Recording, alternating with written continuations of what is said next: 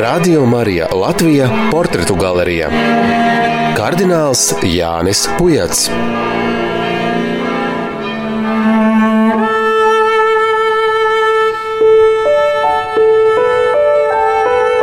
Iepriekšējā reizē mēs uzzinājām par kardināla Jāņa Pujata milzīgo darbu, ko viņš un viņa radi un draugi ieguldīja reliģiskās literatūras tulkošanā, rakstīšanā un izdošanā. Kaut par šāda veida aktivitātēm padomju vara pilnīgi varēja sarūpēt braucienu uz Sibīriju. Tāpat bija jācīnās pret komunisma sēto neticības sēklu, kas jau bija dažviet spēcīgi iesakņojusies, un šai parādībai tika veltīts arī Rīgas metropolijas kūrijas izdevums Ticība dievam ir pamatota - ateisma un kristietības principu salīdzinājums, kurā Jānis Pujats izanalizēja visu to, ko jau sāka mācīt augstskolās kā mācību līdzekli, cenšoties graut cilvēku ticību. Tad pagājušā gadsimta otrā puse bija nozīmīga ar 60. gadu sākumā Vatikāna otrā koncila uzsākto baznīcas liturģisko reformu. Tās realizācija Latvijas teritorijā notika pateicoties milzīgajam darbam, ko veica kardināls Jānis Pujats un citi garīdznieki.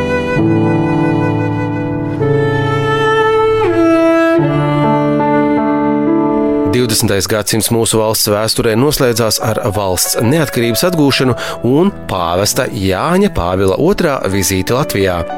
Šai vizītei Latvijā gatavojās īpaši. Jau 1980. gadā Aglonas dievnamam svinot savu 200 gadu jubileju, pāvests Jānis Pāvils II piešķīra tai titulu Bazilika Minoris. 1993. gada septembrī viņš plānoja baziliku apmeklēt, un par to viņš Latvijas garīdzniecībai paziņoja pusotru gadu iepriekš. Galvenā svētvieta e, pāvestam programmā bija paredzēta, bet e, kā viņu lai uzņem aglonā, ja ap aglonu bija tikai mazs laukumiņš apkārt, kā jau parasti lauku draudzēs nu, tur cilvēkus nav kur faktiski saka, ievietot, ja tādā nu, dievkalpojumā lielā. Nu, tad eh, bija nolemts, ka taisīsim pamatīgu laukumu. Un tā laukuma jau kontūras jau it kā dabā varēja redzēt, jo simts metru no baznīcas fasādes gāja viens ceļš. Pa kreisi ezers, pa labi kapsētā. Normāli tā uzreiz es varēju manīt, ka tādam laukumam arī jābūt. Un mēs uz to arī spiedām, ka mums ir saka, nepieciešams, jo mums nav citas izējas, lai jau sabrauks ārzemju korespondenti un pasaulē noskanēs tālu tā vizite. Ir jābūt pienācīgām vietai, sakārtotai, bet palika tikai pusotra gada laika. Bet eh, paldies Dievam, tas idejā tā izdevās. Kaut gan arī ar ļoti lielām grūtībām, jo neviens nedēva atļauju jo tur ir tomēr tā Aglonas bazilika skaitās tāda nu, arhitektūras piemineklis ievērojams.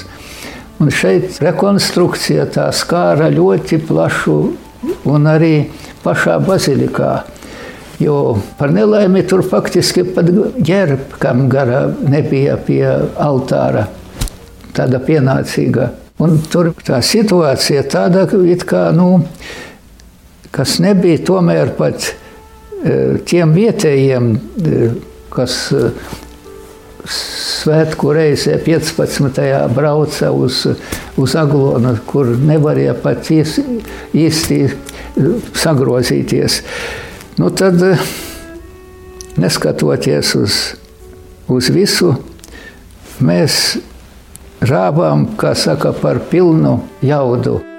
Aglonas bazilikas vēsture sākas 17. gadsimta otrajā pusē, kad pēc muištures ievas Justīnas Šostovickas aicinājuma ar toreizējā Livonijas bīskapa Nikolaja Poplovska atbalstu Aglonā ieradās Viļņas Dominikāņu klostera priors tēvs Remigijs Mosakovskis un Aglonā izvēlējās vietu sakrālajām celtnēm. Sākotnēji tika uzcelta koka baznīca, kura diemžēl pēc kāda laika nodega, un tās vietā 1780. gadā pabeigta pabeidza celt mūra klostera ēku un pašreizējo dievnamu. Aglonas bazilikas vēsture daudziem liekas neaizskarama, taču lietas ir tādas, kādas mēs viņas redzam, un bieži kādas sabiedrības daļas sašutums ir bez vērā ņemama iemesla. Tā tas bija arī Aglonas bazilikas rekonstrukcijas gadījumā. Dažu cilvēku prātos nospēlēja lielu lomu viņu pašu rutīna un nevēlēšanās pieņemt baznīcas vadības darbību kā pozitīvas izmaiņas arī viņu pašu dzīvē. Un, diemžēl dažam labam šādu jucekli tieši vajag, lai krāsotu baznīcu tumšā tumšā krāsā. Bija pats prokuroram iesūtīts sūdzība, ka notiek ļoti liela, kas saka, vai pat nelikumīga tā darbība. Bet es viņam pateicu, ja padomju laikā taisīja Asonas elektrostaciju uz Nīlas upes, tad tūkstošiem gadu senus eģiptiešu tempļus sagrieza gabalos un pārnesa citā vietā, un ne pīkstēja, ne grabēja nekas. A šeit mums ceļ troksni, ka mēs gribam vārtus vienkārši pārcelt arī simts metru tālāk. Beigās tas prokurors arī atmeta roku un, un nekādas, jāsaka, vairs nebija kā pretestības. Un e, pusotra gada laikā, kas bija tur milzīgu darbu izdarīja, es e, pārcēlu to ģekanu iepriekšējo Vonskuļi un ieliku aglonieti, jo tas jaunais bija, nu, kā saka, enerģisks, un šai gadījumā viņš e, izpildīja, attaisnoja tos visas cerības. Tagad patiesībā, ja paskaties, desmit hektāru gandrīz ietvertas laukums. Visas krustaceļa stācijas, 12 vārtos, 7 vārti, pa kuriem ieiet šai laukumā. Deviņi vārti faktiski ir, septiņus izmantotāji aktuāli izmanto. Un, ja vajadzīgs, kā saka, pa visiem izplūst laukā, var no visām pusēm sajiet, neviens nevi, netraucē, jāsaka, trīs Golgotas krusti uz tumšā egļu fona kalnā. Viss tas laukums ar ceļiem savilkts tādā arhitektoniskā vienā objektā. Es domāju, ka tas ļoti labi izdevās.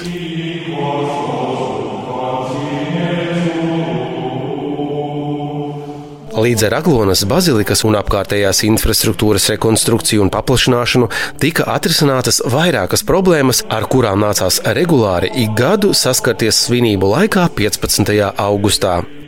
Vispirms divos līmeņos svētceļotāji, kas iet pie dievmātes un kas, teiksim, ir baznīcā, neviens otram netraucē, jo tur ir divi, divos līmeņos palaida.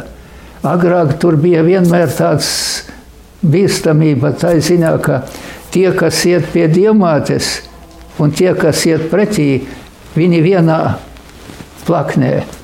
Un tur kliekšana un viss, kas bija, pat provokācijas taisīja padomu laikā no aizmugures stūma pretī, lai kāds nolauzīs teiksim, kāju vai ko tur, tad varēs aizslēgt baznīcu kā kā saka, bet tas atrisināja to problēmu. Baznīca pagarināja par desmit metriem baziliku. uzreiz radās gan ģērbkariem, liekas telpas vajadzīgās. Apakšējā baznīca radās, jo līdz tam nebija tikai tāda puspagraba, tāda telpa. A tagad ir, ja teiksim, augšā tur latviešu dievkalpojumu, apakšā var poļi mierīgi turēt savus dievkalpojumus. Respektīvi, milzīgā masa, kas pēc pāvesta vizites katru gadu sāka iet krustaceļā, ja paskatījās dažos gados, viss kā kāpostu galvas, viss pilns, jāsaka, tur ir, kur tautai saiet. Un nevelti viņš kļuva par starptautisku svētvietu. Jo visa, visa Eiropa uzzināja par Aglonu. Par Aglonas baziliku tagad zināja visā pasaulē, un tā kļuva arī par daudzu ceļotāju galamērķi, kur var gan lūgties, gan arī vienkārši pastaigāties un baudīt latgales skaistumu. Ja nebūtu pāvests atbraucis, Viņa būtu kā draudzes baznīca vienkārša. Sabrauc, jāsaka, tie svecenieki reizi gadā, bet eh, vairs nebija ne to ērtību, kur izvietoties, un ne arī tik skaita tik daudz zinā. Jo tie tagad, kad redzēja tās ērtības, cilvēkiem, piemēram, ir jau iet rudens, sākās skolas laikim, atvadinājumi beigās, nu kur sabraukt saglonā no visām pusēm paziņas. Ielajā laukumā var mierīgi satikties, izrunāties un atkal uz gadu iziet uz apkārt visur. Jāsaka, bet arī tie dievkalpojumi, jāsaka, iecienīti kļuva tā kā viens tāds liels, liels darbs padarīts, gatavojoties pāvesta vizitei.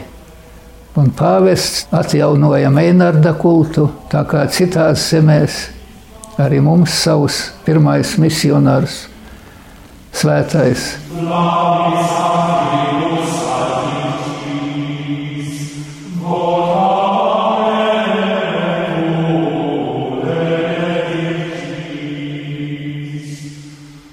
atgriežoties pie Aglonas bazilikas un tās apkārtnes rekonstrukcijas darbiem, noteikti vērts aizdomāties par pašu darbu procesu, jo tas bija interesantu notikumu pilns. Būtisku vietu šāda tipa laukuma izveidē ieņem ceļu izbūve, pa kuriem pārvietoties cilvēkiem.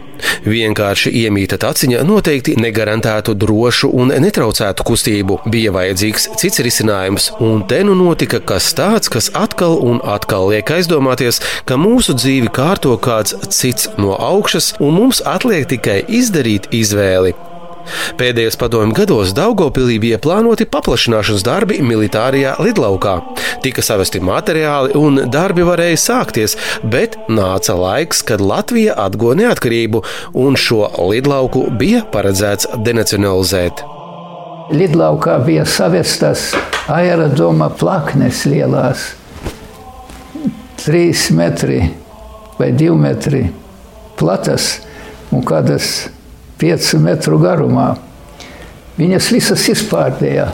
Daugavpils nav tālu, un, un tieši tādas lielas un, un gludas, nu, kur vēl labāk. Un pie tam viņi pārdot, jāsaka, man radās, ka palētāko, jo viņiem arī interesē, viņiem jārealizē, kurš kaut kāda saimniecība, kam viņam vajadzīgs.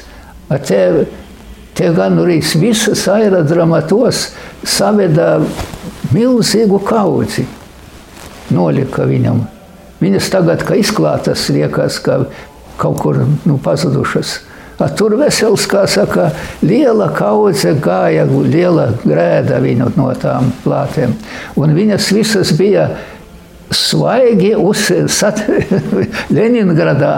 Svaigi tur bija atzīmes. Gandrīz gadu vecas vai pusotra gada vecas, svaigas betonā labas, tā kā aglonai domātas. Bet, ja nebūtu īstenībā, tad jau būtu diezgan problēma. Vai? Kā nebūtu, es saku, mēs, es, mēs nepaspētu šitas par pariem apkārt būtu, bet nebūtu ceļiņu. Un, un tas, tas vairs nav laukums, ka nav saka, ceļiņu. Bet tur viss sakrita, jāsaka, dieva apredzība, viņš zina, ko dara. Un mums kā ēst vajadzēja, lai to laukumu kaut kā savilkt tādā vienā arhitektoniskā kopumā. Un tur visas plātes noderēja tā kā, jo viņas ir betonētas, kā jau lidlaukam, ar, ar armatūru. Zināms, viņas varbūt varēja vēl līdzenāk kaut kā, bet tur neko, jo starpās ir tās, kā saka, cilpiņas ir un, un līdz ar to, bet caurmērā viņas uzreiz ir redzamas tie ceļiņi un visu to laukumu viņi savu organizē kopā, jo citādi tas apkārt pa perimetru tas žoks būtu viens pats palicis, bet tagad viņš ir savins, savilkts kopā ar baziliku. Tā kā arhitektoniski tas ir izdevies, es varu tikai paldies Dievam pateikties, ka, ka tas tik īsā laikā, pusotra gada laikā, tik paveikts tik liels darbs, ka tur ir tikai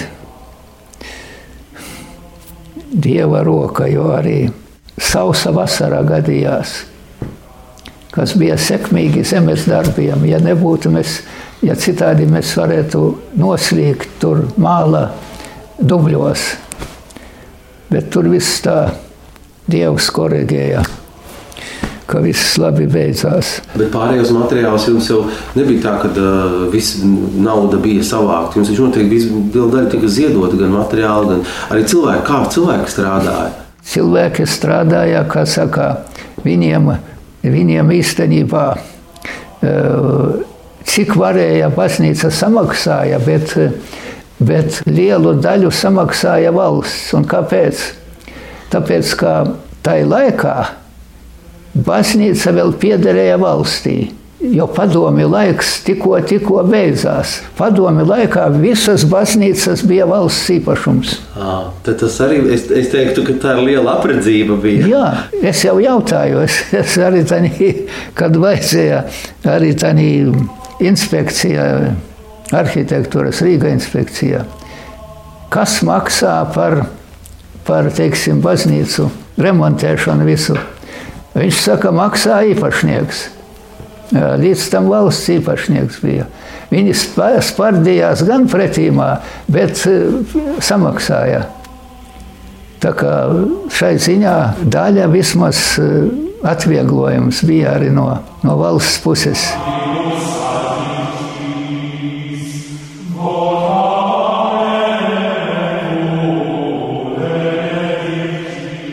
Latvijā katoļu baznīcā taču jau daudz darāmā, vai ne? vienmēr būs daudz. Arī baznīcas tu jāturpina, un arī galvenais arī tas pastorālais darbs. Kā dabūt jaunatni? Kā dabūt, jāsaka, lai kaut kādi, lai tie likumi arī nes, nesanāktu pret vienas puses dieva likumi, otras puses valsts likumi, lai tur nekonfliktētos. Tā kā līdz šim vēl paldies Dievam, viņi respektēja, jo visi kristīgiem tā mūs ar vienā frontē mēs turamies, un viņu diezgan daudz vēl ir no ar visām konfesijām. Vēl šādā rēķinās arī saima, un, un, bet cik tas ilgi tālu vilksies, Bet Stambulas konvencija arī apvienoja visas kristīgās baznīcas. Sajūta, ka nu, kopā jābūt. Jā, jā, jā. bet um, agri vai vēlu tur kaut kāda āža kāja parādīsies. Vēl, vēl priekšā būs gara cīņa. Jo tie spiedīsies virsū. Un cik mūsu, um, kā saka, saimas mugurkauls vai izturēs, ja spiediens būs.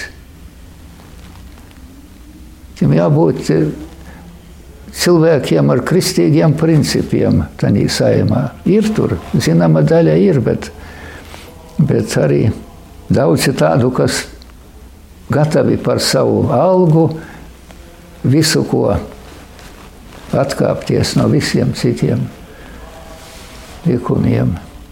Nu, cerēsim. Tad ir cilvēkiem jālūdzās gan par valdību, gan par priesterības paaicinājumiem, vai ne? Jā. Un uh, būs kaut kādi lieli, kaut kādi lieli notikumi būs jau. Ne par velti dievmāte vairāk kā 30 gadus kontaktējās ar cilvēkiem tiešā veidā. Viņa gatavo, viņa gatavo cilvēkus uz kaut kādiem lieliem notikumiem. Tik cilvēki negriež vērības.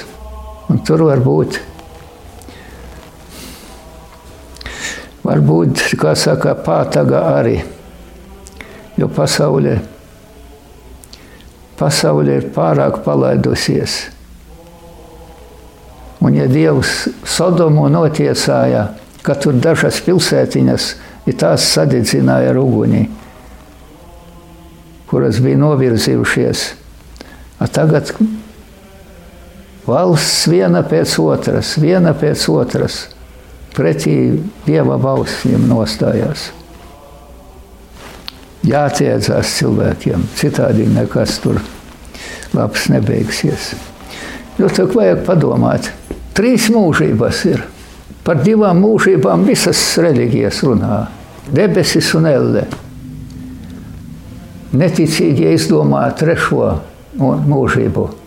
Nu, tas ir nebūtību. Apraka, un uz mūžiem vairs tevis vairs nav. Vai tas nav risks?